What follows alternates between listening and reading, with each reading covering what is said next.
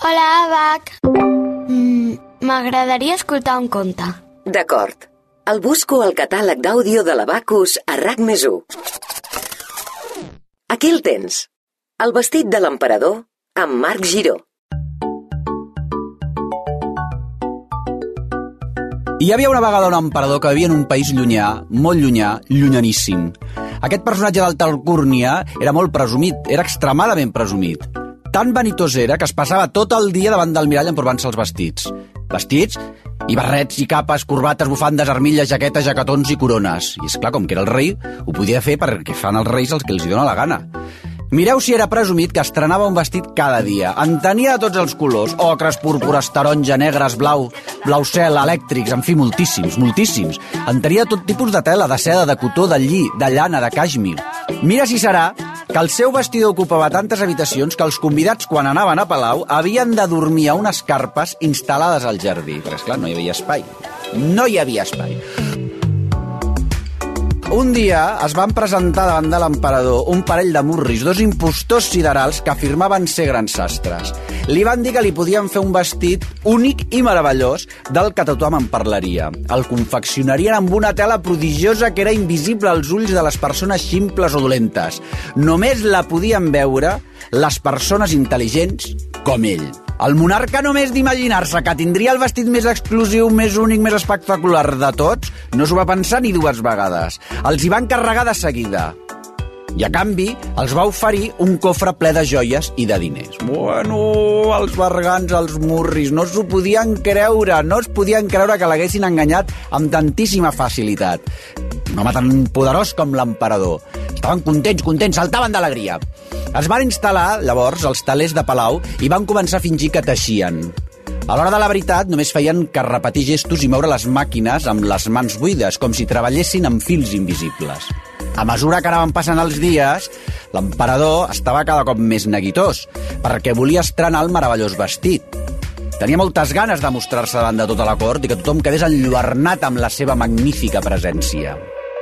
Un matí, que ja no podia més, estava hasta el monyo, va demanar al seu primer ministre que s'acostés als talers a veure com anava la fabricació del teixit màgic.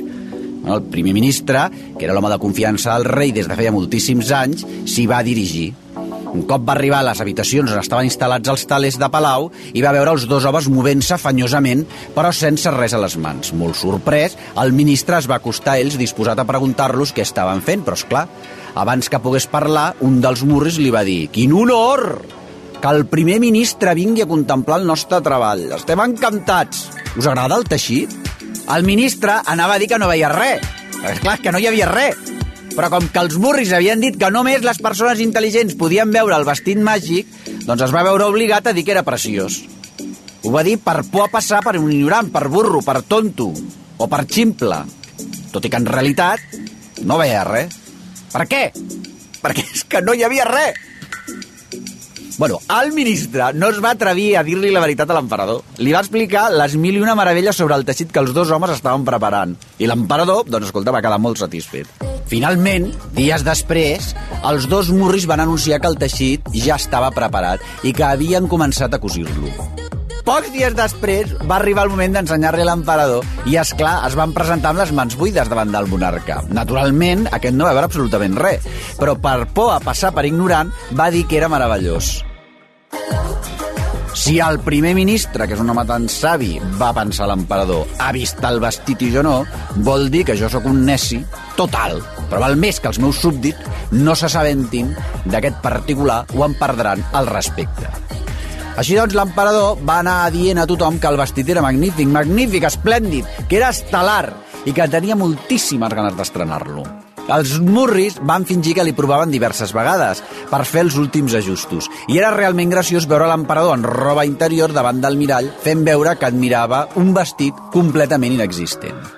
Quan els murris van anunciar que el vestit estava preparat, l'emperador va organitzar una gran festa. Tu, posa música de festa. Ai, per favor. Ara, es fa saber a tota la cort que l'emperador els convida el proper divendres a una recepció reial per presentar el seu nou vestit. Més trompetes, més trompetes. Noti que tenim pressupost. Quina meravella. Bueno, va arribar el dia i tot molt nerviós l'emperador estava a punt de compareixer davant de tothom.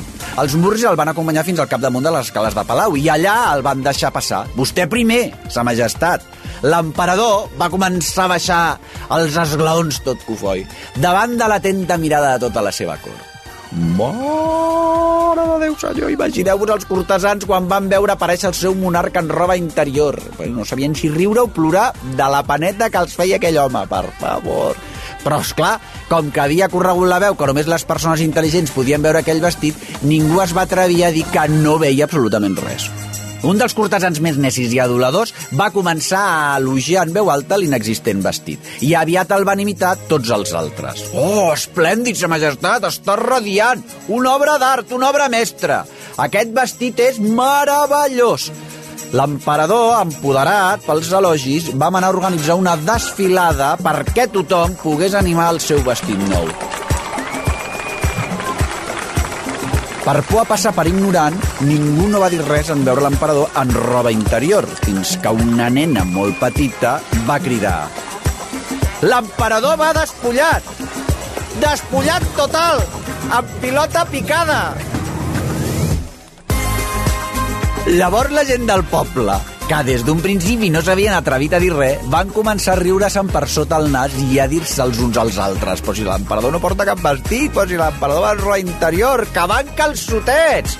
Bueno, l'emperador i els cortesans també havien sentit el crit de la nena.